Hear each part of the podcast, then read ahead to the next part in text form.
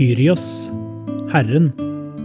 Da han sto frem som menneske, fornedret han seg selv. Derfor har også Gud opphøyd ham til det høyeste og gitt ham navnet over alle navn. I Jesu navn skal derfor hvert kne bøye seg i himmelen, på jorden og under jorden, og hver tunge skal bekjenne at Jesus Kristus er Herre, til Gud Faders ære. Filipperne 2, 7-11 Trolig hører dette avsnittet til en liturgi som var i bruk ganske tidlig i de første menighetene. Hva menes her med dette navnet over alle navn, som Gud har gitt Jesus etter at han har fullført sitt oppdrag? Det må nok være det navnet som den greske oversettelsen av Det gamle testamentet, Septuaginta, stadig bruker om Gud selv, og som derfor var mest kjent i den gresktalende verden på denne tiden. Kyrios, Herren. Og det sies eksplisitt rett etterpå. Hver tunge skal bekjenne at Jesus Kristus er Kyrios.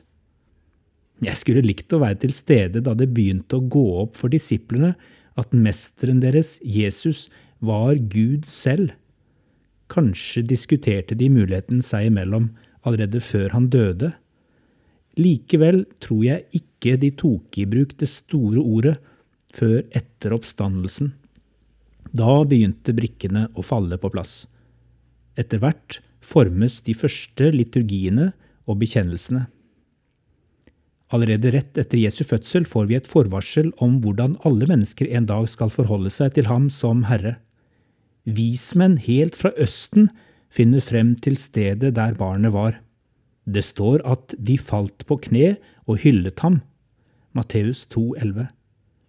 Vi vet ikke sikkert hvor den befant seg, grotten der Jesus ble født men stedet der fødselskirken i Betlehem ble reist allerede på 300-tallet, var neppe tilfeldig valgt. Kirken ble bygget med en ruvende buet hoveddør på fremsiden. Så skjer det noe, trolig under korsfarertiden. Folk til hest må ha ridd respektløst rett inn i kirken. Kanskje ble den utsatt for plyndring.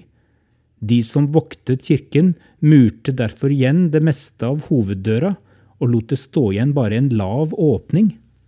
En voksen person som ønsker å besøke kirken i dag, må bøye seg for å klare å komme inn gjennom døra. Den er blitt hetende ydmykhetens dør. Jesus er både vår bror og venn og vår Herre og Gud. Vi inviteres til en nær og fortrolig relasjon, men det begynner med at vi bøyer oss i ydmykhet under Hans herredømme ettertanke. Hva betyr det for meg at Jesus er Herre?